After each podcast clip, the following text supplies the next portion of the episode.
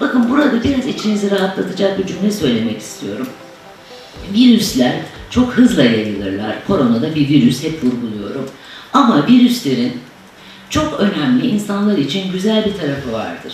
Bunlar ortamda, dış ortamda uzun süre canlı kalamazlar.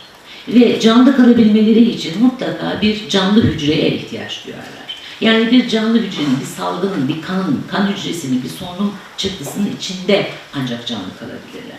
Yani ortamda uzun süre canlı kalamazlar. Bunu neden söyledim?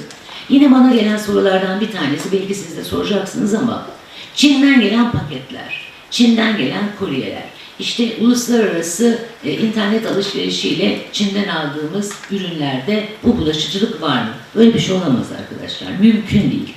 Çünkü onların hepsi uzun süre dışarıda açıkta kalan cisimler. Bunların üzerinden ya da bunları taşıyan kişiler aracılığıyla bulaş söz konusu olamaz.